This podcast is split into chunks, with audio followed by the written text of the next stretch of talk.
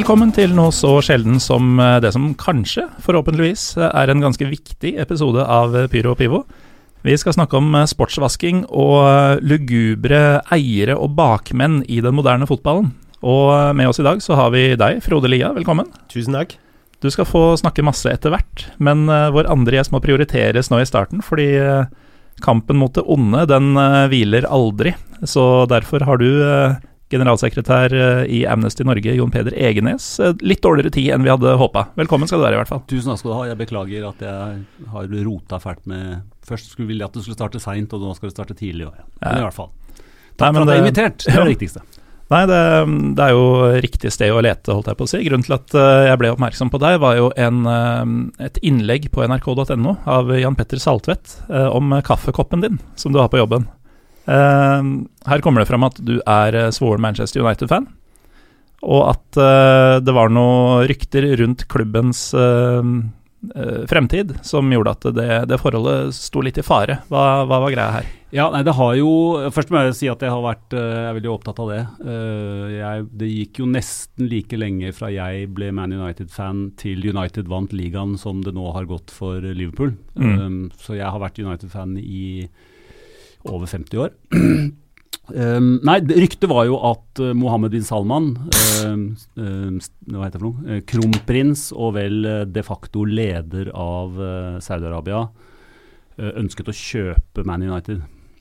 det har blusset opp det ryktet et par ganger. Heldigvis har jeg sett en del artikler som også viser at de blusser litt opp når det blir mye prat om at han har drept og partert en, eh, en viss journalist osv. At, liksom at det kan være en form for PR-kampanje PR for liksom å ta bort oppmerksomheten med andre ting. Det er jo interessant i seg selv at om han skal kjøpe en fotballklubb er mer interessant enn om han beordret drapet på Khashoggi. Men det er kanskje det for uh, den gemene hop? Ja, det er det nok. og, og uh, ja, det er ikke, ja, jo, det, ja, det, er nok det. Så det er nok en lur, Hvis det er en strategi, så er det nok en lur strategi. Det kan jo også være en strategi eh, fra Glacier-brødrene liksom for å holde prisen på aksjene oppe og sånn, og hele tiden mm. ha en eller annen super rykte om en superrik person som kunne være interessert i å kjøpe, kjøpe klubben. Så det kan være, kan være, mange ting som spiller inn. Uh, men i hvert fall det, det, jeg da sa, det jeg har sagt, og som jeg sa før uh, Saltvedt uh, Saltvedt skrev jo på bakgrunn av ting jeg har sagt, han intervjuet meg jo ikke. Eh, det er at dersom eh, MBS, som han kalles, eh, kjøper Man United, så er jeg personlig nødt til å bryte mitt kjærlighetsforhold. Det er såpass, ja, det såpass, såpass ille vil det være. Og det er ikke sånn at jeg mener at alle må det, men jobben min, gjennom jobben min så vet jeg så mye om all den dævelskapen som han personlig Altså ikke, han utfører det ikke, men han liksom høyst sannsynlig gir ordrene, lager strategien, står bak. At det å liksom juble for en klubb som han personlig skulle eie, det hadde jeg rett og slett ikke klart. Mm. Frode, du, du, har jo gravd litt i uh, diverse eiere i fotballen uh, til et prosjekt du har gående, som vi skal snakke litt om seinere. Men hva, hva, er ditt sånn, skal vi si, generelle forhold til despoter og diverse jævler som, som, som kjøper seg inn i fotballen? Ja, altså det er jo størst uh, i alle hovedsak gjennom den jobben jeg hadde som redaktør i Josmar, mm. og skrev en del saker om uh, både Qatar og eierne til Manchester City, uh, Emiratene, Sheikh Mansour, som, hvor også Amnesty og Redd Barna og Unicef har avdekka masse, masse djevelskap, som du, du kaller det. Bl.a. Uh, 15 000 barn i perioden fra 70-tallet fram til 2006 som uh, regelrett blir holdt som slaver. Og masse skrekkhistorier derfra. Og, men det man så da når uh, Sheikh Mansour og, og uh, Qatar gikk inn i PSG, det er jo at uh, sportsvasking fungerer. Fordi Manchester United har jo aldri Uh, vært mer populær enn det de er uh, i dag. Uh, Manchester City, uh, Manchester du City, mener. og både Qatar og Emiratene vil jeg påstå er mye nærmere den vestlige verden enn de noensinne har vært. også med tanke på all den djevelskapen de har gjort, og til dels gjør fortsatt. Hvordan Altså, har det vært litt sånn til tross for alt deilig for deg som United-fan å kunne holde den derre Ha noen amerikanske superkapitalister som eiere. Ja. Holde en, I den grad det finnes en sånn moralsk fakkel over uh, City, i, i, all den tid som, uh, som de har vært uh, eid av Nei, jeg, jeg, tror jeg, jeg, tror jeg, har posta på et eller annet sosialt medie én gang. Uh, jeg lurer på om ikke det var da City tok ligamesterskapet fra oss på overtid uh, med et mål av Aguero at det er ikke en fotballklubb, det er en reklameplakat for et diktatur. Mm. Sånn bør jo ikke en generalsekretær i Amnesty uttale seg, men, men da måtte, jeg klarte jeg ikke.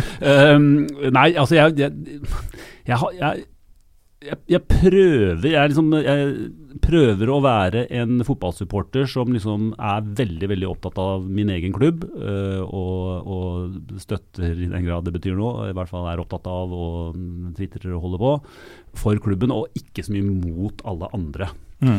Um, det betyr ikke at jeg ikke har det ekstra vondt når United taper for Liverpool eller Man City, eller noe sånt, men jeg går liksom ikke ut og karakteriserer supporteren eller, eller andre ting. Det som derimot er ganske interessant med City-eksempelet, som er ikke for å, å sverte City-supportere, men som, er, som, hvis det faktisk stemmer, det er en hendelse for uh, en tid tilbake. Du husker at Pep Guardiola gikk ut og støttet uh, selvstendighetskampen for Catalonia. Mm. Uh, og Da ble han jo spurt på en pressekonferanse av en britisk journalist. Ja, er, han holdt veldig, egentlig en veldig sånn flott uh, innledning om ytringsfrihet og, og, retten til selvbestemmelse og sånn. Og så var det en britisk journalist som spurte han ja, det var flott ord, men hva med det landet eierne dine kommer fra? Og da ble han svar skyldig. Og da var det, og dette er skrevet om av en, uh, en person jeg kjenner som heter Nick McGeehan, som da så veldig nøye på liksom, hva skjedde da. Og da var det ifølge han faktisk sånn at en del Twitter-kontoer, noen av dem sannsynligvis botter, men særlig én kan man mistenke var igangsatt av, uh, av noen i Emiratene. Um, klarte på en måte å få City-supporterne til ikke å forsvare klubben sin, men til å forsvare Emiratene. Mm -hmm. uh, og det er, den, den artikkelen heter 'Welcome to Trollerball', tror jeg. Uh, det er en blogg. Um, og, og, det er jo veldig interessant. For det er også interessant at direktøren i Man City er også PR-rådgiveren til, uh, til sjeiken i, i, uh, i, Emiratene. Mm. Um, sånn at man liksom ser hvor Og, og det, det, er kanskje det tydeligste eksempelet jeg har sett på hvordan Uh, hvordan det ikke bare er på en, måte, en slags imagebygging, vi eier denne klubben, du får vist fram uh, logoen din osv. hele tiden, men hvor man faktisk mobiliserer supporterbasen til forsvar for mm. faktisk et regime. Så Det var ikke City de, som det ville vært forståelig at de gjorde, men det var altså Uh, hvorfor angriper dere liksom oss, eh, i, i, betydningen Emiratene? Det er jo, det er jo veldig interessant, syns jeg. Han uh, Nicholas har jo skrevet en del saker for Jossimar om akkurat det her. Eh, annet en sak som heter 'De usynlige rytterne', som mm. handler om alle disse barna fra Pakistan og Bangladesh mm. som blir kamelryttere i, i Emiratene. Ja. Jeg vet at du kjenner ja. At de blir kamelryttere i Emiratene? Ja, altså de, øh, de henter gjerne øh, fem-seksåringer øh, til for å være kamelryttere, altså i sånne Hva heter det? Race, ja. ja mm. Veddeløp heter det sikkert. Veddeløp, ja. ja. hvor barna blir utsulta for at du ikke skal kunne legge, legge, på deg. For det er om å gjøre å være så lett som overhodet mulig. Mm. Strengt regime. Altså det var eksempler på barn som blir bindt fast i, ba, i bakken mens Uh, kameltrenerne kjører over dem. Altså, er, man tror jo ikke det er sant. BBC har også laget en, uh, en uh, veldig bra dokumentar om akkurat de tingene der, som jeg tror ligger ute på YouTube. Men du som, har, du som jobber med mm. menneskerettighetsbrudd, eller mot, kanskje mer riktig å si, i hverdagen, Jon Peder. Du mener altså at Bin Salman står for noe så forferdelig at eh, ditt 50-årige kjærlighetsforhold til en fotballklubb eh, ville opphørt om han uh, tok ja, over det? Jeg, måtte, altså, det vil, altså det, jeg, Um, fall gjort et ærlig ja, jeg, jeg ville liksom bevisst sagt Jeg ville tatt, jeg ville liksom kvitta meg med supportereffektene. Jeg ville, jeg ville ikke sett på kampene. Jeg ville, jeg ville? Jeg, jeg kan jo ikke Altså, um, eh, hjertets affære er jo alltid vanskelig. Det kan, ikke, liksom, kan hende jeg hadde grått en bitter tåre hvis jeg plutselig hørte at jeg hadde tapt 8-0 for Liverpool. Men, men liksom, jeg, hadde, jeg hadde ikke villet gjøre mange av de tingene jeg gjør nå. Jeg ville ikke reist til Manchester for å se kamper osv. Uh, fordi, fordi at jeg, jeg ville og, og dette er ikke noe altså Jeg kunne helt sikkert gjort det uten at omverdenen hadde brydd seg. Så det er bare rett og slett en sånn personlig Jeg kan ikke leve med um, at, uh, at det er sånn er. Og, og bare for å ha sagt det, jeg mener ikke at alle Jeg mener ikke at det er galt av City-supporter å support- å være City-supporter, eller for så vidt Arsenal, som har em, altså Emiratene er jo hovedsponsoren deres, og osv. Det, det, og eller PSG, som er eid av Qatar osv. Um, det er et personlig valg, og det er en personlig oppfatning. Kan jeg spørre om en ting? Eh, eh, Når vi, eh, altså når Josem har begynt å skrive om Qatar, og begynte å ta litt sånn til orde for eh, boikott av VM i eh, 2020, Ja. nei 2022 Så, så Hvor skal grensa gå for hva man ønsker å boikotte? Mm. Eh, kan jeg spørre deg om? Hva Ja. mener du er liksom eh, Ja. grensa for hva man kunne eh, hatt inne på eiersida av eh, Manchester United, for f.eks.? Ja, altså, nå må jeg bare snakke om altså, Vi, bare for å ha sagt det, da. Det. Amnesty International oppfordrer alle til boikott. Ja. Um, bare sånn det er sagt. Så nå er det Jon Peder Egenes som snakker. Nei, altså, jeg, jeg kan jo ikke gi noe, øh, noe sånn Altså, hvis en eier Altså, hvis, hvis, hvis en eier av en klubb jeg støtta på en måte, Hvis jeg hørte at vedkommende personlig uh, var liksom ansvarlig for grove, grove menneskerettighetsbrudd. Mm. Så der er det en åpenbar grense for meg. Mm. Så vil jeg kanskje altså hvis jeg holdt med Atletico Madrid for er det fem år siden, hvor de bare hadde Aserbajdsjan, altså de, var, de hadde bare navnet på landet, var sponsoren, liksom. Så hadde jeg jo fått en veldig veldig vond smak i munnen. Eh, hadde, og, og så hadde hvilken, hvilken posisjon jeg hadde vært i, da, så hadde jeg hatt noen påvirkningsmuligheter. Det hadde liksom satt jeg i noen supporterklubb som kunne liksom pushe på og sånn, så, så kanskje jeg hadde tenkt ok, men jeg skal i hvert fall gjøre mitt beste for at det skal opphøre.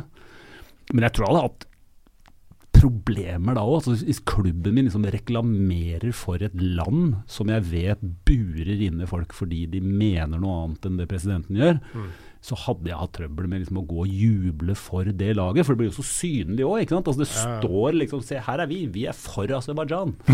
Uh, så at jeg, jeg syns jo det er problematisk. Jeg, jeg, jeg ga opp penger i fotball, og det viser hvor, uh, hvordan verden har gått. Da Man United kjøpte Andy Cole for 8 millioner pund.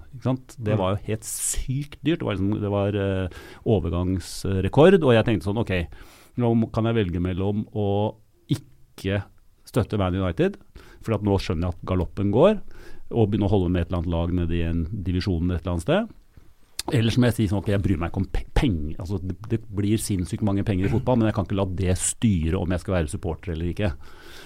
Åtte millioner pund, det er jo altså mindre, altså, det er jo mindre enn uh, Selnes tjener i Kina omtrent. Altså. det, er jo, det er jo helt vilt. Men, men, uh, men, men, det, men for, jeg vil tro at for enkeltpersoner så må det gå jeg vil tro det. Liksom, det må noen, du må sette noen grenser for hva du kan være, hva, hva du gjør bare fordi du er opptatt av idrett, da, eller Ja. glad i idrett. Det må være, liksom, du, må, det må være litt sånn at nei, hvis klubben min driver med dette, så må jeg holde opp. Nå må jeg finne på noe annet. Eh, En av de første Ikke det første tegnet, men det største tegnet ganske tidlig, det var jo når eh, Barcelona fikk eh, Qatar Foundation på, eh, Ja, på Altså det, det må jo være, når vi snakker draktreklame, da, det må jo være det verste noen supportere kanskje har opplevd på den. Fordi du, du har hele den der mer enn en klubb-greia og skal være så gode og underdogs i, som katalonere. Betalte for å ha Unicef på drakta, var ikke Ja, det ikke liksom ryktet? Så de, de ikke bare hadde Unicef på drakta, men de betalte var, for det. ja,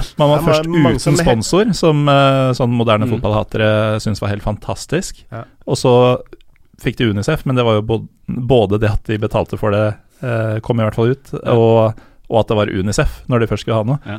Og så går de det som fra hevder at dette var planlagt, da, at først Mm. gi okay. Unicef for en myk, eh, myk start, og Mm. så okay. kommer Qatar inn. Men, For men det det var sånn, er altså hadde ikke noe i det hele tatt først. De hadde rene drakter. Mm. Ja, akkurat. Og så var det da fra Unicef, eh, som alle kunne akseptere, Ja, ja. til Qatar. Da- Du får jo nesten ikke et større sprik. Nei.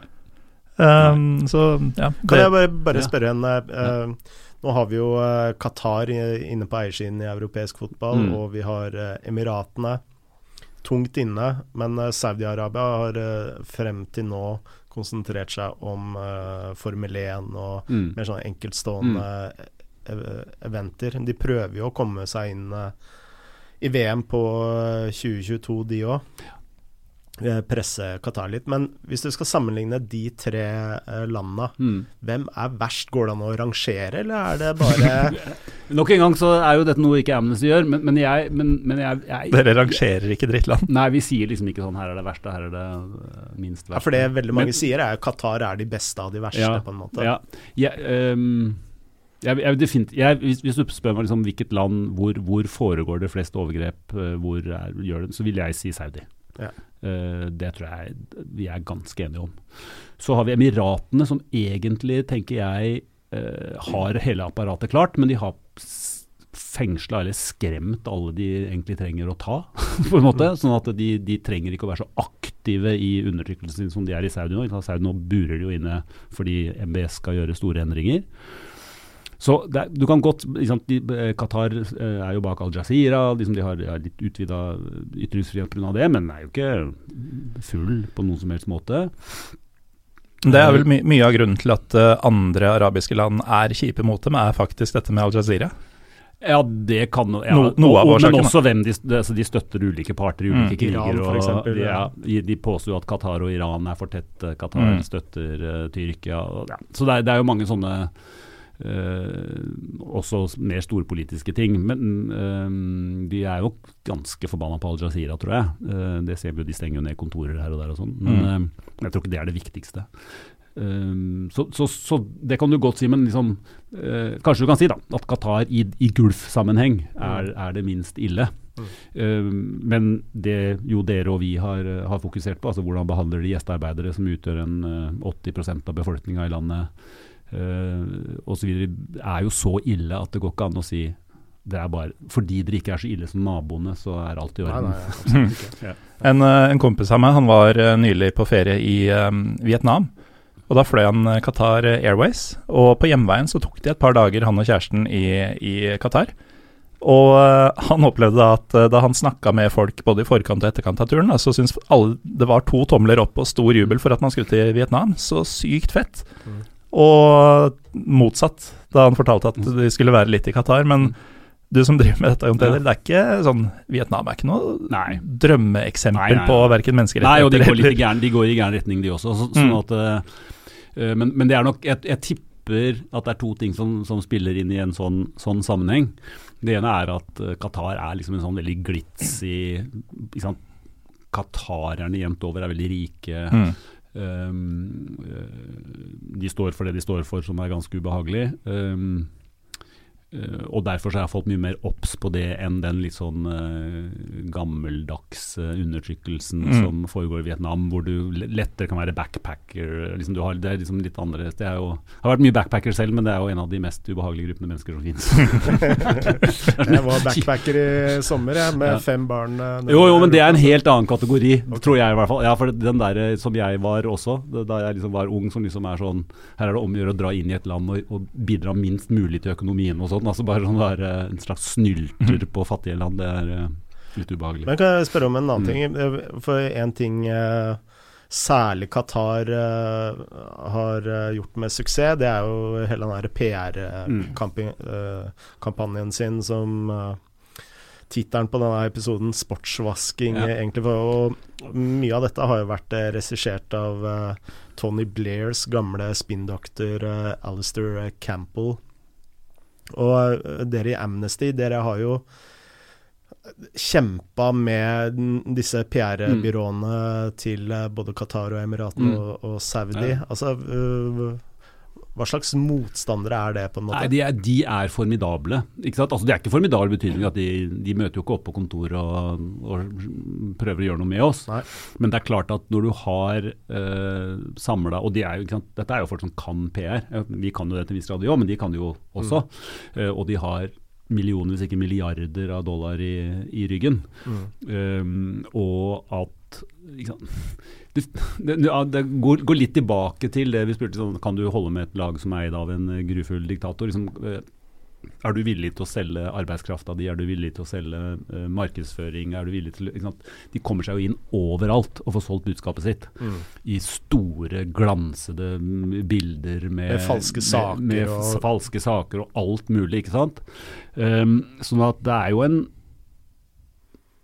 Det er jo en ganske sånn vanskelig jeg, jeg, ikke sant? Det, det, er interessant. Du, jeg tenker at han, kompisen din han vanker i mm. et miljø som er jevnt over veldig oppegående.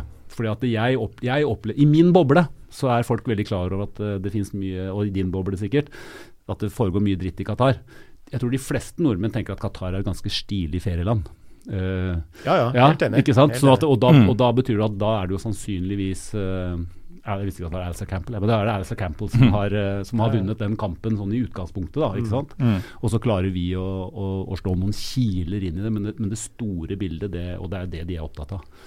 Det store bildet. Men, jeg tenker media har en enorm uh, rolle. Ja. Og jeg ser jo at uh, selv pressen blir jo lurt daglig. Ja. Uh, og, og kommer med disse glansa versjonene av både Qatar og Emiraten mm. og Uh, store klubber som drar på treningsleir. Uh, altså det, er, det, fungerer, for alle lar seg bli lure. Ja. Så når uh, f.eks. store mediehus ikke ansetter kompetanse til å ta tak i disse tingene, så kan disse bare fortsette. Men det, men det lurer jeg litt på. Mm. Er vi i ferd med å se en trend hvor, hvor mediene begynner å skjønne litt mer om politikken i idretten? Er du, altså det er jo ikke Flest kommenterer jo. Mm. Men, men, begynner vi å se at det blir ansatt en journalist her og der som egentlig har litt mer som oppgave å, å grave bak? Hvis vi spør Frode, så er vel ditt inntrykk uh, heller det motsatte de siste mm. ukene? Nei, eh, nei, altså hvis du ser sånn på europeisk målestokk, mm. så ser du jo at det store medier som New York Times og sånt mm. uh, bruker Og The Athletic etter hvert, mm. og The Guardian ja. og, og, og Josemar i Norge uh, er, altså er, veldig på den saken, ja. men de er for få. Ja. Uh, og også her i Norge så er det et veldig sånn Altså, vi ligger langt bak, da. Ja. Uh, bare den siste uken så uh, utspiller det seg en diger fotballskandale uh, som innbefatter Fifa-president Infantino. Mm. Som, hvor presidenten for de afrikanske forbundene nå har blitt arrestert i Paris, og han knytter sterkt inn Infantino og pengeoverføringer dem imellom for å rigge valget. Ja. Dette er jo hovedsaker i eh, både New York Times og overalt i, mm. i Europa, og har jo fått store konsekvenser. Infantino står i stor fare for å uh, miste sin posisjon, men i norsk, norsk presse f.eks. Det er jo ingenting, for jeg har ikke hørt om mm. det. Nei, ikke sant? Det står ingenting. Og Da kan du spørre deg uh, hvorfor står det ingenting Nei. om de tingene der. Altså, jeg, jeg kan skjønne at uh, medier som TV 2 og VG mm. også, de er avhengig av klikk og de tingene ja. der. Men som en allmennkringkaster som det si TV 2 og NRK ja. er, da, så ja. er det er de, Når du får liksom nærmere en milliard skattekroner, da, da, er det oppgaven din til å dekke. Mm. Og da har jeg spurt meg er det ikke vilje til det. og det jeg har landa på, det er at det er uh, verken vilje eller uh, kunnskap. Nei. Og du ser at uh, de stemmene som virkelig kan dette her. Fordi mm. vi har personer i Norge som er helt verdensledende ja. innenfor uh, visse områder. Ja. Uh, innenfor WADA, IOC, Fifa, Uefa ja, osv. Ja. Men de får aldri uh, Altså, de blir ikke satsa på hos de uh, mediehusene. Og hvorfor det? Altså om de er for gamle, eller Det veit jeg ikke. men realiteten er at de ikke blir satsa på, og Nei. den type journalistikk da kommer ikke til orde. Nei. Bare Nei, og, og det jeg, jeg, bare lurte på om jeg så en endring. Liksom, mm. at det, at, ikke at det er bra, men at liksom, Jeg tror endringen er at jeg tror veldig mange begynner å, å, å bli mer selektive i hvilke medier man leser. leser. Ja. Altså De mediene jeg leser, er ikke de samme som jeg leste for ti år siden. Da var det sånn hver tirsdag så leste jeg Dagbladet fordi uh, de hadde gode musikksider. Og, Ja, ja. Ikke sant? Mm, ja. Eh, Der er jeg ikke nå. Nei. Jeg har vel ikke lest uh, de norske mediene, i hvert fall tabloidene, Nei. på år og dag. Nei. Eh, Men jeg kan benytte anledninga nå, siden vi var litt inne på det, til å be folk eh, ta en titt på idrettspolitikk.no. Apropos folk som har peiling på dette her til lands. Så der går det også an å støtte arbeidet til eh, Andreas Elliot, som står bak siden, ved om det er VIPS eller hva det er han eh, tar. Men eh, utrolig Ja, nei, viktig mann Andreas i dette eh, kjenner jeg godt. Vi hadde, Mm. tok han til og med med på et stort internasjonalt møte i Amnesty for nettopp å snakke om disse tingene, så eh, Mm. han eh, er, er, kjenner jeg godt. Men uh, klokka tikker fort for din Ja. del, Ja. Jon Peder. Og um, jeg tenkte, altså nå har jo Uh, Vi har jo hatt VM i friidrett i, i Qatar i fjor, var det vel? Mm. Uh, uten at det var noe særlig annet enn jubel for norske medaljer og sånn uh, i, i norske medier. Men eh, vi har jo nå denne sesongen hatt både den italienske og, og spanske supercupen eh, i Saudi-Arabia, begge to. Og vi prata litt om det i stad, at Saudi kanskje er de som er verst av disse Gulf-landene. Mm. Um, så siden du er her, da, hvorfor eh, spytter Saudi inn så mye penger i fotballen? Nei, altså for det første er det jo sånn, Disse to supercupene er et tegn på at nå er de, det som de har hatt Formel 1 og sånn som sier, nå tror jeg de er på vei inn i fotballen. De prøvde jo Mm. å få splitta eh, VM mellom Qatar og seg selv, eller vil si de prøvde å få utvida VM så mye at det bare var Saudi-Arabia som sto klare til å, til å ta over halvparten. Eh, og de har gjort dette med å kjøpe opp disse, disse supercupene, som jo Altså, jeg det er kanskje, altså nå er, nå er kanskje Jeg som sagt følger ikke verken spansk eller italiensk fotball så tett, men de cupene er kanskje ikke så interessante for folk som cupen er i England og i Norge. Men at, at, at supporterne godtar det, er- synes jeg er helt mystisk. Men, men det får være en annen sak, da. Men, men det er ikke noe tvil om at, og det gjelder alle disse landene, og nå, nå eh, tror jeg Saudi kommer til å satse enda mer på det, det er at man, man denne sportsvasking-arbeidet, det handler om tre til fire ting. Det ene er litt sånn åpenbart å få oppmerksomhet om seg selv og på temaer som ikke handler om at man hogger opp journalister eller sperrer inn Mm. kvinneaktivister eller, eller hva det måtte være, men liksom overdøve den dekningen med en positiv dekning om sport. Det igjen gjør jo at oppmerksomheten gjør at og, og, og alle disse landene driver jo nå skal bli turist i enda større grad turistmål. Nå Mm. også Saudi-Arabia skal bygge en hel by, eh, bl.a. for å tiltrekke seg turister, hvor du skal få lov til å gå lettere kledd osv. Eh, d- for å tiltrekke seg turister. Men kanskje det er enda viktigere for disse statene enn akkurat turistene, selv om det er mye penger i turisme i verden i dag, det er investorer. Disse landene har jo levd veldig, veldig høyt på, i, så lenge de har eksistert nesten, på Mm. olje- og gassinntekter. Eh, og de ser også at den gullgruven den er i ferd med å, å tørke inn, eh, holdt jeg på å si. Eh, ikke nødvendigvis fordi oljen ikke finnes, men fordi det, vi kommer til å daue alle sammen hvis vi fortsetter på den måten. Og det, og det er jo denne Visjon 2030 som eh, Mohammed Salman har laget, handler jo om å snu rundt på økonomien. Og da er de helt avhengig av å få internasjonale investorer av alle slag. Og det var jo og, og, det viser litt? Det var jo en strøm av alle de kjente Først dro, Mohammed bin Salman rundt til, til London og New York og, så videre, og Hollywood og hilste på alle. Um, og fikk lov til å hilse på alle.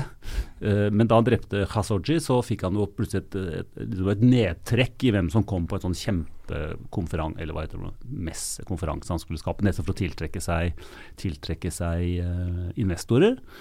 Og, og, og, det viser jo så tydelig liksom, at no, hvis den negative dekningen overskygger den positive dekningen, så har investorer trøbbel med å komme. Mm. Og Derfor så er det om å gjøre å pumpe penger og engasjement og, og energi inn i det som gir positiv omtale. Uh, og hvis man da i tillegg, som jeg ikke har tenkt på så mye før uh, denne artikkelen gikk, hvis man i tillegg liksom får engasjert altså Fotballsupportere har jo det ved seg at de er dritengasjerte. De er på nett, Mm. altså de er i sosiale medier, de er liksom på til å rett og slett forsvare landet ditt, da, eller statsutøvelsen din. Mm. Uh, så er det en, en, i tillegg en bonus som, som nok uh, jeg, jeg tror ikke uh, Jeg er ikke helt sikker på om f.eks. diplomatiet altså, for, altså Helt skjønner hvor svært dette egentlig er. For, jeg tror, for, for at når, når så bevisste, rike statsledere bruker så mye tid og penger på det, så er det fordi de vet at uh, investeringen betaler seg. Mm. Uh, og det er jo ikke Og de er jo, altså de, er jo, de, er, de, er, de er jo ikke ut, de er ikke noe annet du investerer i Man City for å få igjen penga. Altså, det kommer han aldri til å få. det er jo rett og slett noe annet han investerer i. Mm. Mm. Er litt sånn at hver gang man kan nevne Messi og Riyad i samme setning, ja. så er det ett steg på ja, veien altså til bare, altså, Når Paul Pogba sitter på ergometersykkelen sin og, og, og, tar selfier utover et eller annet flott hotell i jeg tror det var Qatar, eh, mm. da han var skada Eller han har vært skada veldig mye. I en av skadeperiodene sine er det klart altså, Hvor mange millioner følgere har han? Altså, det er klart at det hotellet får noen andre gjester òg. Mm. Men øh, nå ble det jo ikke noe bin Salman-kjøp av Manchester United, Manchester United i denne omgang. Til Newcastle, da! Ja. Ryktes det. ja.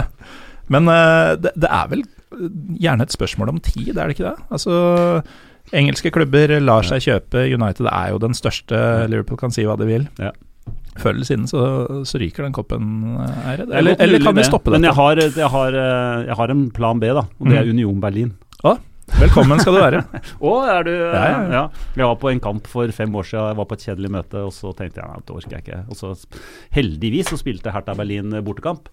Mm. Da, og jeg hadde aldri hørt om Union Berlin engang. Ja, for Hertha er jo ganske kjedelig. Ja, Det vil jeg tro, det veit jeg ikke noe om, men uh, har ikke peiling på. Olympiastadion er jo rett og slett uegna for fotball. Ja. Nei, da, gikk, da dro vi ut på uh, de Eiserne, hva det heter for noe, og det var det, altså for en morsom eh, Altså, fotballkampen var helt middelmådig, men uh, alt det rundt var helt fantastisk. Kampene der er stort sett middelmådige, ja. men, uh, men, det glemmer man. Ja.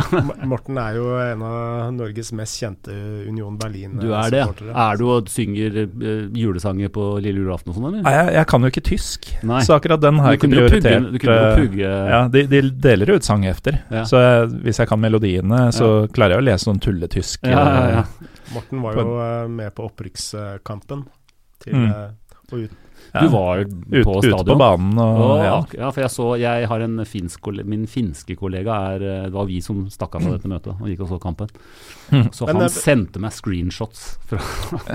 Når vi snakker om sportsvasking, så er jo det et eldgammelt fenomen.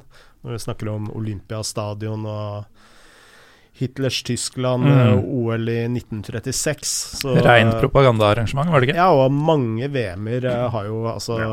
VM i Argentina eh, osv. Så, videre, så Der har jeg også en um, arvesynd. Jeg holdt, med, altså jeg, var jo fortsatt, jeg holdt med Argentina i VM i 78. Da måtte jeg legge bort uh, all min politiske kløkt.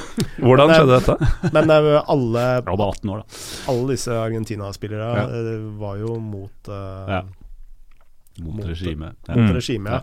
Og eh, Jeg husker ikke hvilken spiller det var, men han hadde en eh, bror eller en fetter, jeg husker ikke helt, arrestert og kraftig torturert. Og mm. når da presidenten skulle skulle komme inn og takke dem ja. for seieren. Altså gikk han inn på do, tok seg i rumpa før han uh, tok den. ja, det, sånne, sånne, historier kan ikke jeg, men det er veldig veldig bra. Da, det, jeg husker fra den, også, Dette er ikke politisk, men det syns jeg var så gøy. For jeg husker da sa Menotti, Cesar Menotti, Me, treneren. Uh, ja, Cesar Menotti, ja. ja. Han sa i, i 78 Han er nesten lik hårsveis som ja, deg for øvrig. Jeg har, jeg har en spiller som er 18 år og han er det neste, men jeg tror ikke jeg kommer til å spille med han. Han er så god at han det eneste jeg kan si er at Han kan ikke få ballen til å snakke, men han jobber med det. Det var da Diego Armando.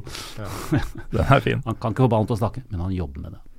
Men uh, Jon Peder, ja. før du må haste ja, videre til kampen mot uh, ondskap. Um, kan man gjøre noe med dette? Altså, Kan man stoppe denne utviklinga? Kan man hindre disse overtakelsene? Nesten uh, andre vet mye bedre enn meg. For jeg er jo ikke Jeg, er jo ikke, jeg kan jo ikke liksom altså, nå må jeg bare si det jeg tror, og så får dere korrigere meg. Eh, hvis man, det, må jo handle om hvilke eiermodeller man legger opp til i fotballen. Mm. Så at hvis man da, så vidt jeg forstår, så i Tyskland så må supporterne eie 51% osv. Så, videre. så hvis man får til sånne ting mm. men, men, det er jo ingenting som tyder på det. altså Jeg vet jo at det er jo folk som vil bryte opp det systemet i Tyskland også, altså i, i fotballen i Tyskland. Det er mer sannsynlig at det brytes i Tyskland enn at ja. det innføres et sted hvor det ikke ja, har eksistert. Ja, det tror jeg også, ikke sant. For at det er så mye penger. Altså, og det er jo som, som jeg, tilbake til dette med at jeg tenkte at jeg, jeg kan ikke bry meg om penger lenger da Andy Cole ble kjøpt for åtte millioner.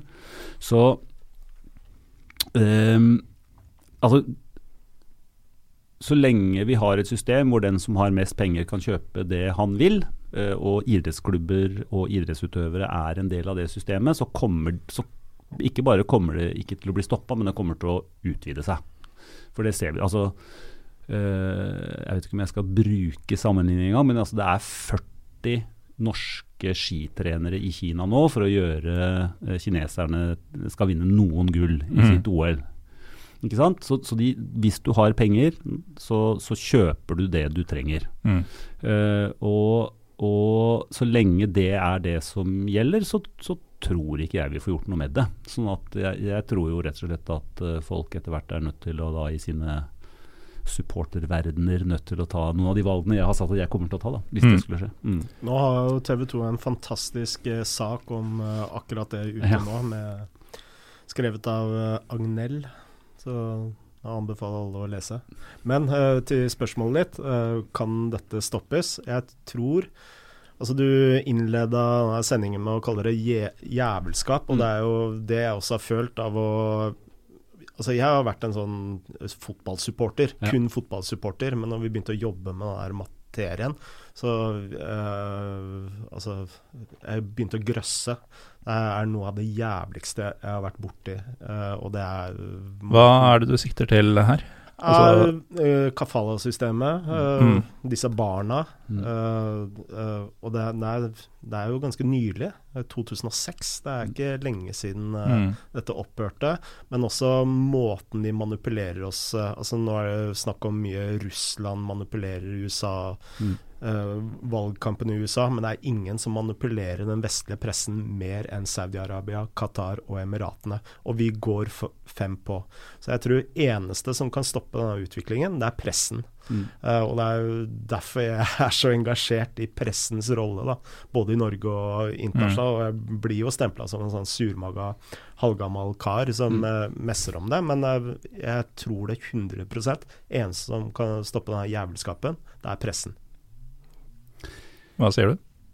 Ja, det, som sagt så sa jeg, jeg vet ikke om det går an å stoppe det. Men jeg, jeg, altså det er jo og det er jo liksom Amnestys uh, credo på et vis. altså Det er avsløring som i mm. Hvis noe skal, skal, stoppe det, så er det avsløring. Det er at flere folk skal grø, ja. grøsse og, og, nærmest vende fotballen ryggen fordi at mm. de føler at det er ikke, jeg kan ikke leve med dette. Uh, men da, må det, sant, da er det så mange som skal nås.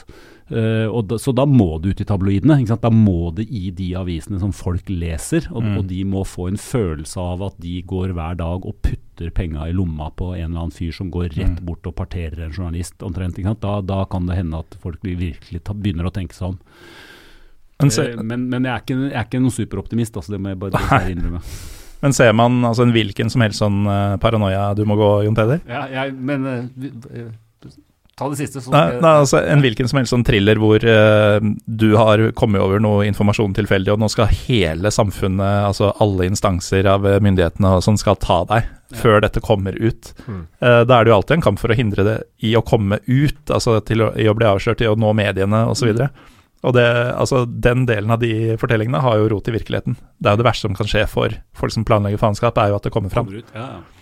Men det, det, de jo er flinke til å gjøre, som, som, du også poengterte Det de er flinke til å gjøre, som, som Frode her også sa, det er at de overdøver det.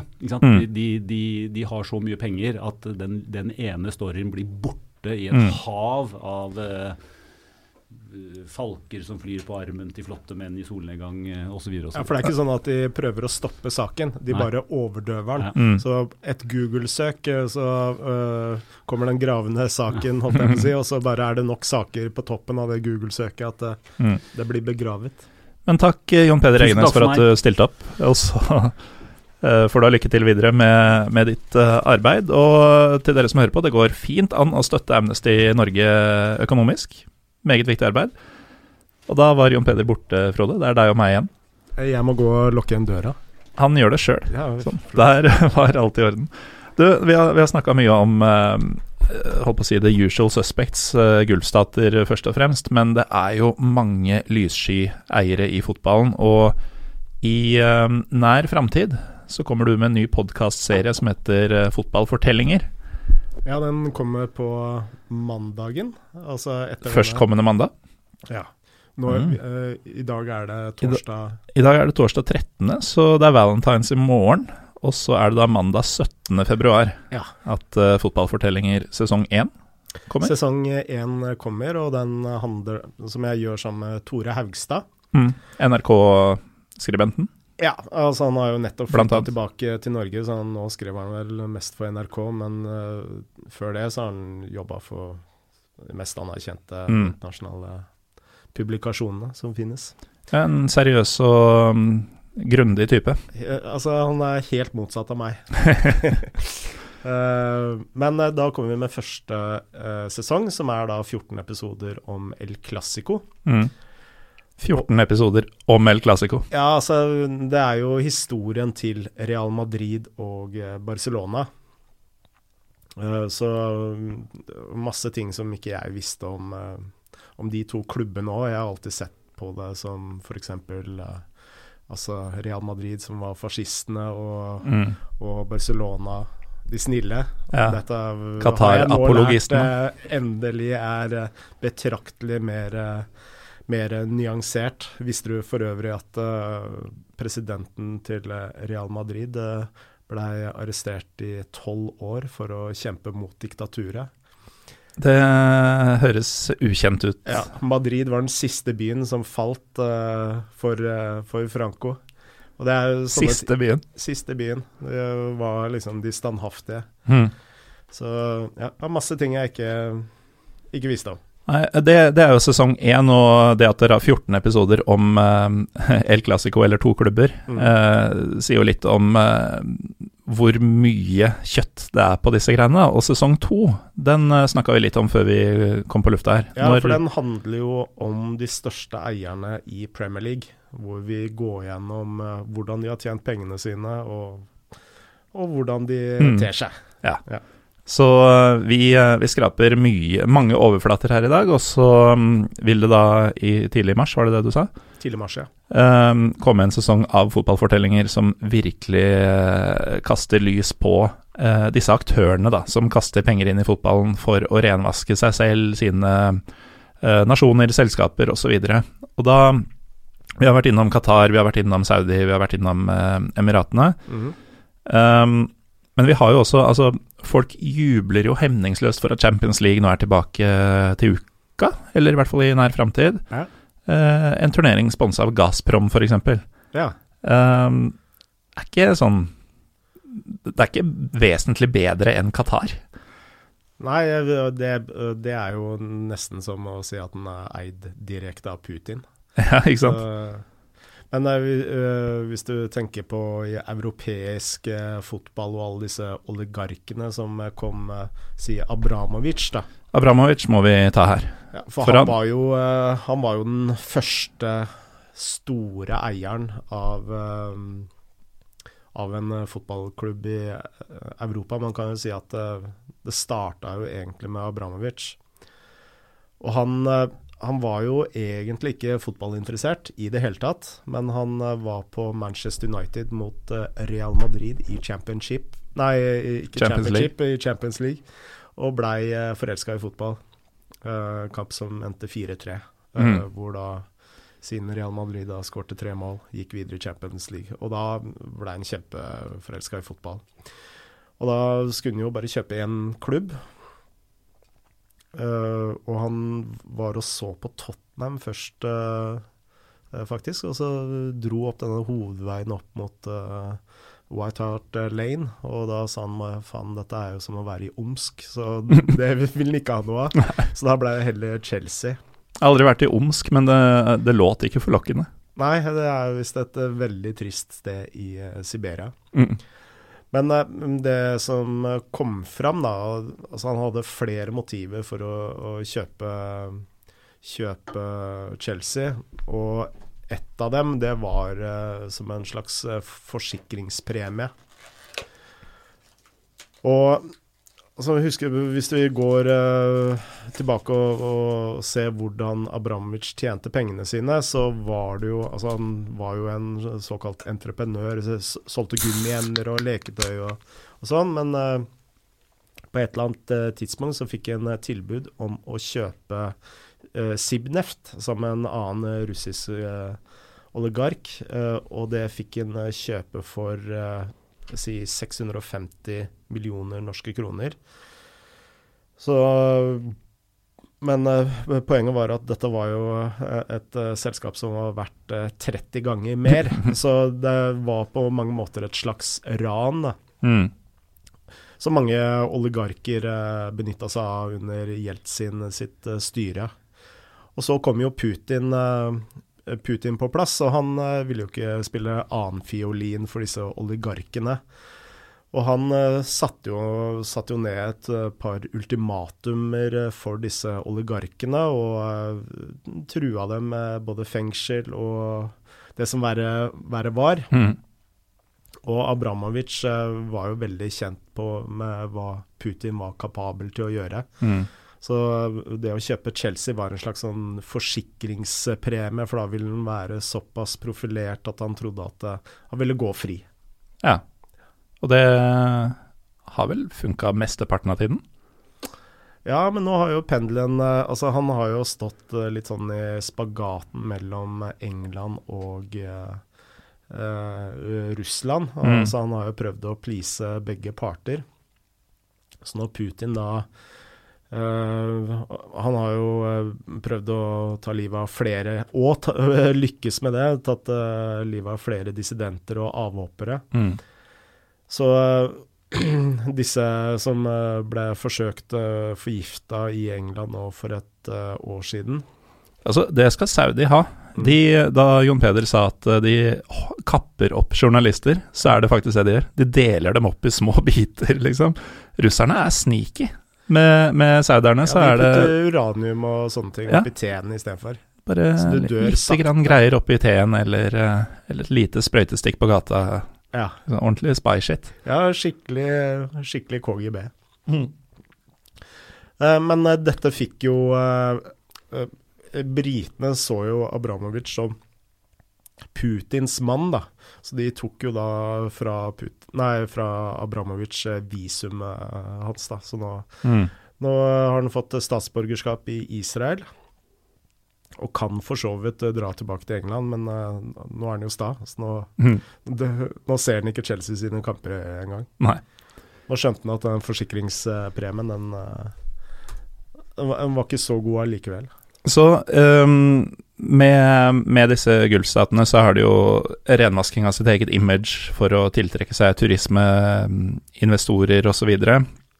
I Abramovic i tilfelle, som mange andre oligarker, så handler det om å ha penger og makt på flere steder, sånn at man har noe å falle tilbake på når ja, altså det, en del av korthuset faller? Ja, altså Det si, sies jo at uh, timen etter Ambramovic tok over Chelsea, så hadde han telefonnummeret til fire statsråder på telefonen allerede. Mm.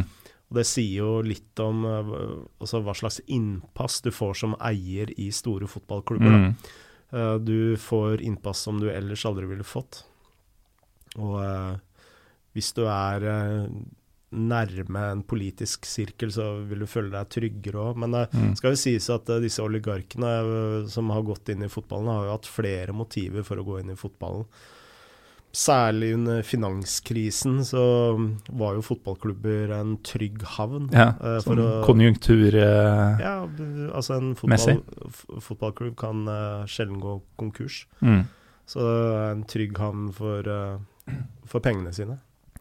Um, og så har vi jo da noe som kanskje er litt underkommunisert, fordi det er så, det er så enkelt å fordømme Saudi-Arabia, Qatar, um, russiske oligarker. Men så har vi jo i uh, Arsenal um, Stan Cronky, en uh, amerikaner, ja. som uh, jo også har sine svin på skogen. Altså, han har vel om han har bygd opp formuen sin uh, gjennom det, eller om den bare har blitt mangedobla pga. Men han er jo bl.a. Walmart-mannen. Kanskje ja, Han gifta seg inn i Walmart, ja. ja. ja. Kanskje den kjipeste arbeidsgiveren som fins i hele USA, eller? Ja, det veit ikke jeg så mye om. Men uh, altså uh, Annet enn at uh, det jeg har lest om at Walmart er utrolig kjipe mot sine ansatte og er fagforeningsknusere osv. Mm. Men han gifta seg jo inn i Walmart-familien og, og, slo seg opp på eiendom, og da gjerne rundt disse Walmart Ikke Voldemort, Walmart-sentrene. så det er sånn han skapte sin formue, og så begynte han å Uh, og kjøpe masse sportsfranchiser i USA. Altså mm. har vi fire lag bare i Colorado. Hvor uh, ingen av lagene vinner noe særlig, men han uh, gjør gode penger på Altså han klarer å ta ut litt penger hele tiden fra mm. disse, og det er jo få som klarer egentlig fra, som eier av sportsklubber. Mm. Glazers eh, i United er jo notoriske på, på, det. Altså, United skal jo ikke nødvendigvis vinne noe. Eh, det gjelder å, å bringe pengene rundt, sånn at eh, de kan ta ut sin andel. Jeg vil egentlig si at Kronke er verre, mm. fordi han, han spytter ikke inn noe penger. Altså, nå har vi, altså, det er vanskelig å si at det, de er verre. altså Han har jo tatt ut tre milliarder ut av Arsenal. Og han har jo sagt det at uh, hvis du skal eie en sportsklubb og tjene penger, så må du bare sørge for å ikke gå for å vinne. Mm. Uh, og det er jo det han egentlig gjør. Han, så lenge han er topp fire og kan ta ut litt penger her og der, så er mm. han mer enn fornøyd. Og det er vel noe av det samme Glazers også gjør, men de har jo i alle fall brukt litt mer penger på overganger enn det Arsenal har gjort opp igjennom. da. Mm. Så, Men det er jo stikk motsatt uh, innfallsvinkel fra disse uh, sjeikene og sånn. Som Jon Peder nevnte, det er jo ingen som Sjeik Mansour har jo aldri tenkt at han skal få pengene tilbake av det han har investert i, i City. Nei, og jo... jeg tenkte jo for to-tre år siden at når jeg så på disse klubbene, at en klubb med amerikanske eiere aldri ville vinne serien igjen. Mm. Fordi uh, de ressursene disse gulfstatene putter inn i klubbene sine, er på et helt annet nivå enn det de amerikanske eierne ja. gjør. Uh, og det gjør jo det Liverpool er i ferd med å gjøre nå, så utrolig imponerende. Uh, fordi Men de Altså, man, man kan ikke putte alle amerikanske eiere over én kam heller, for Fenway Sports de de driver jo på en helt annen måte enn det Glazers og Kronke gjør, for de er jo faktisk sportsinteresserte. Og dette er da de som driver Liverpool, Liverpool for tiden? Ja. Mm. Altså, de er jo økonomisk måteholdende, uh, de òg vil tjene penger, mm. det er ikke det, men de, de, satser på sport, og de vil utvikle seg på sport. Du ser på de analyseavdelingene til mm. Liverpool det er jo ingen som er i nærheten av det. Selv med masse penger inn i City, så Eh, så gjør Liverpool det bedre på veldig mange sånne sportslige områder. Ja, men du, du, ser jo titt og ofte så kommer det sånn elver på Twitter på hvor mye har eh, elveren til Liverpool kosta dem eh, netto. Altså når du tar det de har betalt eh, mot det de har solgt for i samme periode. Og det sier jo to ting da, som skiller dem veldig fra f.eks. Arsenal og Manchester United. Mm. Er at eh, de bommer veldig sjelden når de henter noen spillere. Og, og, når de bruker idiotpenger, da, sånn som på van Dijk, så bommer de i hvert fall ikke. Og når de en gang iblant ikke treffer, så klarer de å selge med enten begrensa tap eller til og med fortjeneste. Mm. Mens uh, Pogba f.eks. kan jo ikke være verdt halvparten, altså sportslig, Nei. ikke halvparten av det han ble kjøpt for. Og, og de, de, gangene de bommer, så er det gjerne manageren som har uh, trumfa igjennom noe. Uh, mm som, uh, som, jeg lærte her for litt siden, så var det en uh, sånn maktkamp mellom uh, Brendan Rogers og analyseavdelingen til Liverpool. Hvor den avdelingen ville ha Firminio, han ville ha Benteke. og så blei det et kompromiss, da, at de kjøpte Benteke hvis den også tok med seg Firminio. Og og så jo hvem som har hatt ja. rett der. Og, og der er jo det er mange som sier at Manchester United ikke har noen ordentlig sportslig ledelse. At uh, Ed Woodward uh, er flink til å få inn penger og, og sånn, men at det, det, er liksom ikke noe system i spillelogistikken. Um, Nei, det er det er, nok ikke. Men uh, for å ta Woodward litt i Altså ikke i forsvar, men Altså de, Han har jo ikke kontroll på sport, det er jo helt Men det er vel ingen andre som har gjort så bra markedsmessig som det uh, Manchester United har gjort. Og det er med en del sånne genitrekk som Woodward har gjennomført. da. Mm. Blant annet dette trekket med å selge opp sponsor, sponsorrettigheter i geografi. Altså Vanligvis så er det sånn at du kan selge en sponsor for hele verden, men nå har han jo solgt uh, egne sponsorater for Asia, Midtøsten, Afrika, Amerika osv. Mm. Og det fikk jo Manchester United til å mangedoble inntektene sine på veldig kort tid. Mm. Men uh, det, det, jeg mente med dette, var jo at der du var inne på det i stad, at disse Liverpool-amerikanerne ja. har faktisk sport som et overordna mål, så de har satt et ordentlig system inn i klubben for, ja, at, for, at, det skal lykkes på banen, først og fremst. Mm. Mens hos United, hos Arsenal, um, hos veldig mange klubber, uh, som heller ikke kan konkurrere med verken Liverpool eller City for tiden, så, så virker det å være litt mer sånn bingoprega, da. Uh, sportslig sett. At um, Jeg tror de uh, er fortsatt i fortiden, da. Mm.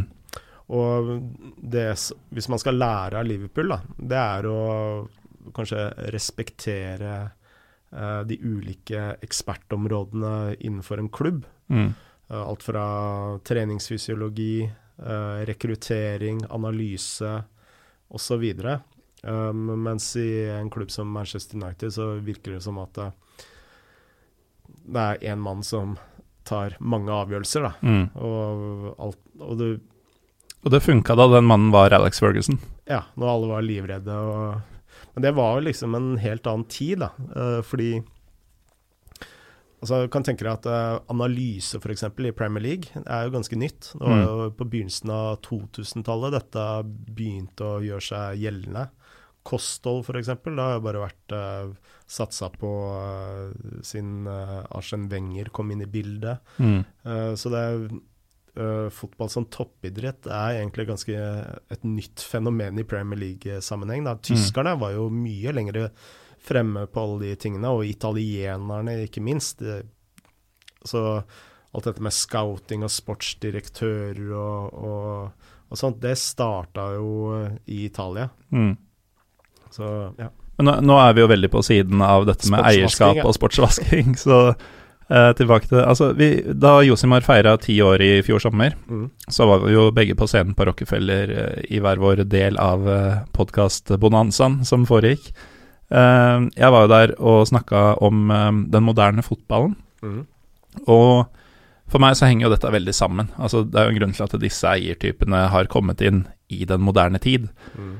Um, og um, Jon Peder var veldig på at han skal ikke fortelle noen hva som er rett og galt, altså hvis din klubb blir tatt over av en sjeik eller oligark. Men um, en ting som jeg syns er viktig, som jeg også poengterte flere ganger der, er at uh, du som supporter, uh, og, og, det også går litt hånd i hånd med det som ble snakka om i stad, at uh, City-supporterne av en eller annen grunn plutselig forsvarte Emiratene i sosiale medier. Um, du kan ikke se deg blind på at dette er din klubb, og det skal jeg forsvare til døden. Altså, det, dette, det er ikke andre verdenskrig, og du er enten det ene eller det andre. Uh, det går helt fint an å være en uh, ordentlig fan, ordentlig supporter av en klubb, og likevel uh, ta kritikkverdige forhold i klubben og rundt klubben på alvor. Mm. nå ble det en monolog. Jeg vet ikke om du vil hoppe inn her. Nei, og det ser vi også i Norge, mm. uh, med den Babakar Sar-saken. Hvor uh, inntrykket mitt, da, uh, og det er ikke sikkert jeg har rett i dette her, men inntrykket mitt det er at det var veldig mange kritiske stemmer i Molde som prøvde å være kritisk til klubben sin, men de ble fullstendig overdøva av heiagjengen, da, mm. som forsvarte både Ole Gunnar Solskjær og Molde og Sarr eh, til uh, Altså, han er ikke dømt ennå, og mm. hele denne karusellen. Men, Molde kunne ikke gjort noe annerledes så nei. lenge han ikke var dømt. Ja, og det syns jeg uh, Jeg vil aldri Altså, en kar som står med seks voldtektssaker Er det seks nå? Ja, jeg tror det er seks. Det vokser hele tida, det tallet der. Men, men det Det er kanskje ikke seks som er og det offentlige, men uh, ja. Nå er det det. nå, er det det.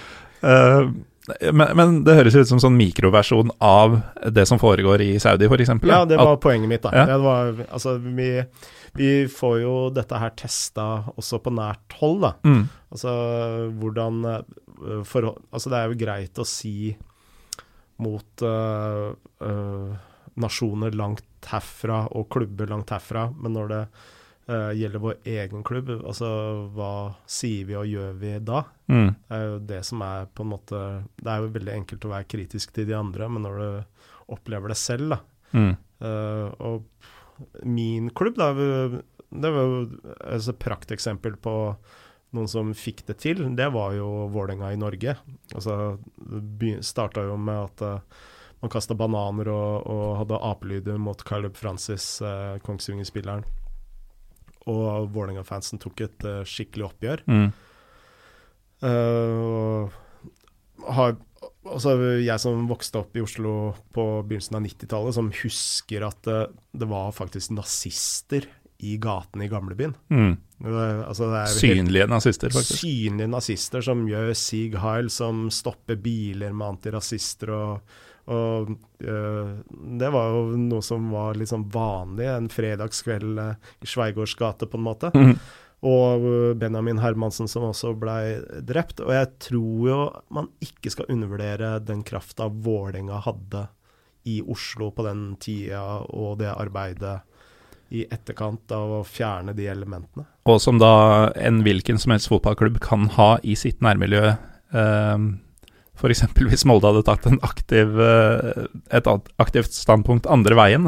Altså, det, her skal det sies altså, det var veldig mange Molde-supportere som tok mm. et aktivt standpunkt. Men ikke Molde fotballklubb? Ikke Molde fotballklubb. Uh, men uh, absolutt. Men jeg opp opplevde supporterklubben som ganske sånn splitta, i hvert fall i starten, før den samla seg uh, etter hvert. Mm. Men uh, tilbake til det store bildet her. Uh, kan jeg bare si en ting til? Selvfølgelig kan du det. fordi en ting som For alle de som heier på andre klubber, da, så er det veldig lett å, å peke på, på Molde-supporterne. Mm. Uh, men uh, det er ingen andre supportere som veit hva de egentlig ville gjort, hadde de vært i samme situasjon. Mm. Uh, så man skal være utrolig forsiktig med å peke fingre. Molde fotballklubb derimot, de sto til stryk på alle parametere. Og ikke minst måten de behandla borte supportere på. Det er noe av det kvalmeste jeg har sett i norsk fotball på flere år. Mm. Og, og, og akkurat det har jo ikke noen sammenheng med Eller sensuren har jo det men uh, det er mye de gjør med bortesupportere i Molde som ikke har noen sammenheng med Sare-saken eller, eller, det. det. det. bare er en, en ukultur som, som finnes der oppe, som begynner og slutter med, med klubben. Um, oh, nå, nå ble jeg sur på Molde, merker jeg. Nå kom jeg litt ut av det. Kan vi ikke være litt sure på Lillestrøm istedenfor uh... jo, jo, det var faktisk det jeg skulle. Fordi um, Lillestrøm uh, kasta jo mye etikk på sjøen i, i, forsøket på å redde plassen nå i, i vinter. Um, med ansettelsen av Tom Nordli, som jo tross alt hadde lugubre saker hengende over seg. Og nå er det jo ikke det samme, um, det som har kommet ut at Tom Nordli uh, kan ha gjort i Avaldsnes, mm. som det som har foregått i Molde. Men det var fortsatt Jeg var i hvert fall ganske skuffa over hvor greit dette virka for, for Lillesund-supportere. Fordi ser man på sosiale medier, så er det de, de som snakker mest om Molde, er gjerne en del av mine kompiser fra, fra Lillestrøm, og, og, flere av disse var jo også um, kritiske til ansettelsen av Nordli. Men det var ikke noen sånn Det var ikke masse support å hente i miljøet, sånn som det burde vært, da, med tanke på at den supporten definitivt fantes når man snakka om Molde. Mm. Um, igjen, det, hvis man skal sette saker opp mot hverandre, så vil jeg jo si at SAR er verre enn Nordli på mange måter. Uh, I hvert fall det som har kommet ut uh, ja, det bedre, kan jo ikke sammenlignes engang. Nei. Så en, en ja. Um, men, men, det var liksom eh, det, det var for lite motstand, syns jeg, i Lillestrøm. Og, og, det er sikkert symptomatisk. Det er ikke fordi folk i Lillestrøm mangler ryggrad, men det er som du sier, at uh, når det kommer til din klubb, mm. hva, hva, gjør du faktisk? Uh, og hva sier du? Men um, Jeg merker at uh, Altså, Hvis jeg skal være helt ærlig, da Og nå er jeg jo ikke redaktør i Josmar lenger, så nå kan jeg liksom Nå kan du være helt ærlig? Nei, men, nei jo, det kunne jeg tidligere, men jeg, jeg, jeg Altså, når jeg starta Josmar, så avslutta jeg jo mitt uh, medlemskap i klanen, f.eks. For eksempel. mm. Fordi jeg tenkte det er ikke helt uh, Altså, det er ikke riktig, på en måte. Men uh, jeg tenker jo at jeg skal bli en klanmann igjen. men det er jo Og Vålerenga, Ipswich og landslaget er jo de eneste tre lagene som virkelig får pulsen min til å øke. Mm. Men jeg tror det er veldig viktig å være mest kritisk til egen klubb, da. Ja. Det er jeg. Jeg er mest kritisk til Vålerenga, og det er fordi jeg elsker Vålerenga. Fordi mm, øh, ja, hvorfor jeg gjør jeg det? Men, ja, men det er jo som med dine egne barn, eh, sikkert. da. Altså, Du vil jo det beste for dem. Du, du, vet eh, hva som bor der hvis ting gjøres på riktig måte og sånn. Ja. Eh, og da vil man jo guide den veien. Absolutt. Hvis, eh, hvis det var noenlunde dit du, du ville.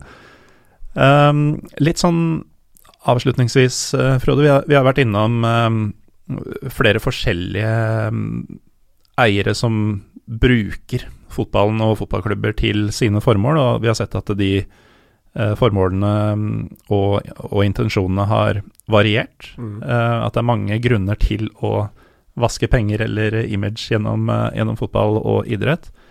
Eh, så snakka vi litt, eh, da Jon, Pet Jon, Peder fortsatt var her, om hvordan man eventuelt kan stoppe det, da. Og du eh, mener jo at det er pressen som er uh, nøkkelen her? Altså, det er sikkert uh, flere ting, uh, men jeg er jo veldig farga at jeg har jobba i pressen i mange, mange år. Mm. Men, men hvor, altså, hvor, skal man begynne, hvis, hvis, vi tenker på norske forhold, da, som vi snakka om New York Times og diverse i stad, at internasjonalt så, så, jobbes det bra. Ja. I Norge så, så, har vi mye å gå på. Hva, hva bør, eller hva, hva, må gjøres her for at vi skal kunne få fotballen human igjen. Tenker du på fra et sånn presseståsted? Ja. ja. Og så Husk at disse sakene, da, disse kritiske sakene, det er jo de som leses minst uh, av uh, alle sakene om sport. Mm. Altså Du kan uh, gjøre et intervju med Ole Gunnar Solskjær, og det leses til ti på skalaen, holdt jeg på å si. Og så kan du ha en kritisk sak om Qatar, da, f.eks. Mm som uh, leser, leses kanskje en tiendedel. Men det er likevel uh, utrolig viktig da, for uh, pressen å dekke de sakene som også ikke klikker, da, som ikke har disse clickbatesene i titlene sine og sånn. Det, mm. altså, det, er et samfunnsoppdrag. Ja. og som jeg mener alle journalister bør liksom være litt bundet av.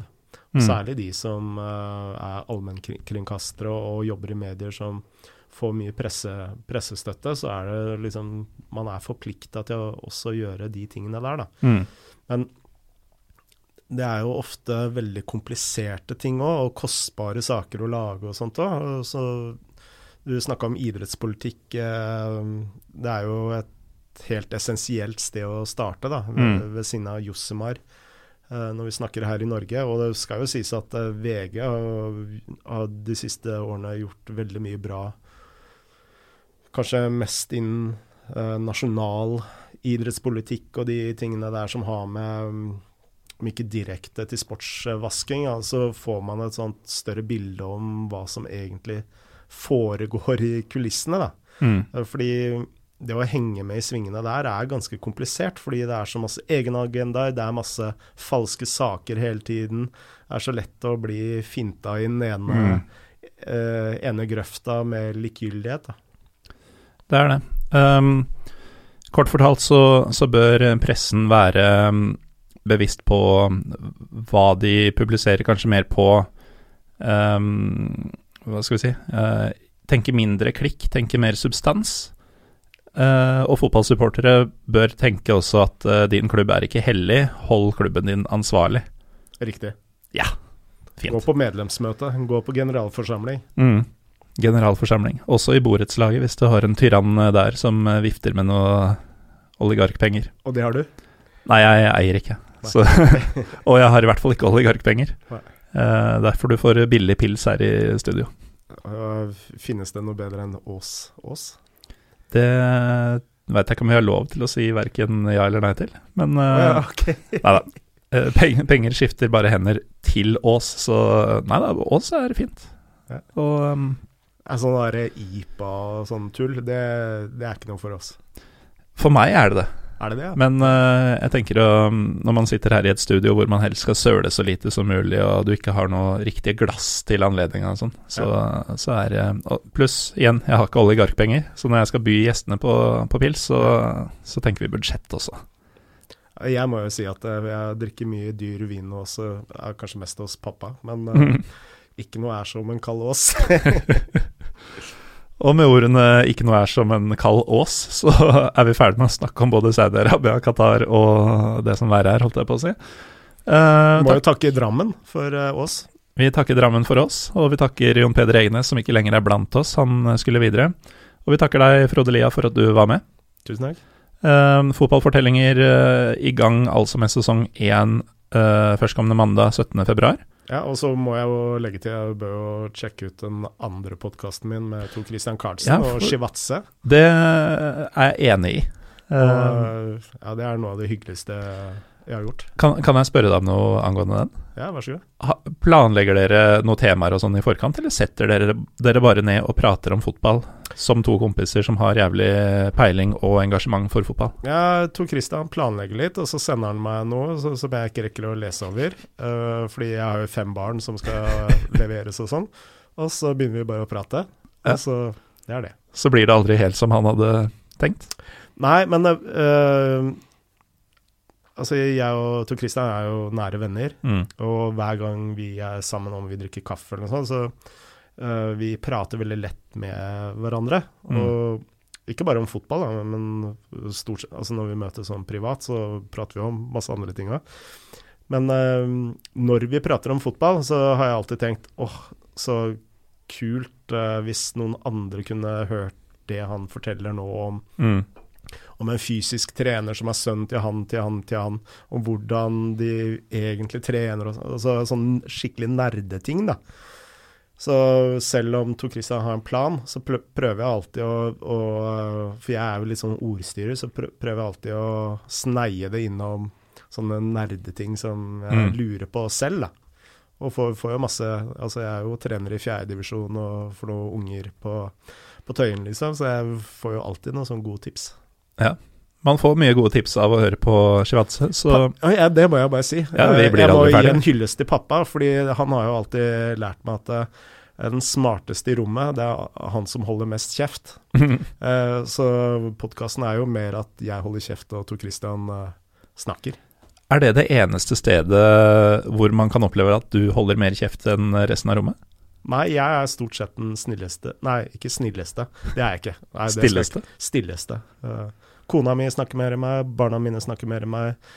Assistenttrenere og medtrenere og spillere snakker mer enn meg. Det er jo egentlig bare når jeg blir invitert til deg jeg snakker eh, mye. Ja, for jeg lurer på hvis uh, Vi kan fort ha noen lyttere som er nerd nok til å sitte med tre stoppeklokker for å se hvilke, hvilke stemmer var det mest av i dag.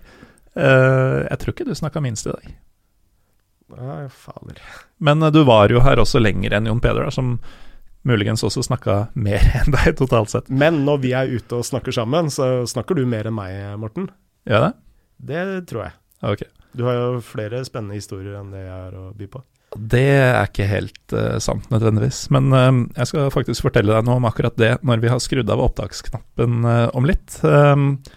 Takk i hvert fall, Frode, for at du var med. Dette Og- ble en veldig lang outro. Ja, Kanskje ny rekord. Men da Da kan vi si ha det. Da kan vi si ha det. Uh, følg gjerne PyroPivopod på Twitter og Instagram. Uh, Shivadse har også Twitter. Ja. Følger ikke meg eller PyroPivo. Jeg tror den bare har to følgere. Ja. Nei, ikke to følgere, men to som den følger. Ja, to som en Ja, det er deg og Tor Christian. Oh, ja, okay. Ja. Ehm, uansett, det går an å følge Shivadse der, men ikke forvente en follow tilbake. Takk for nå.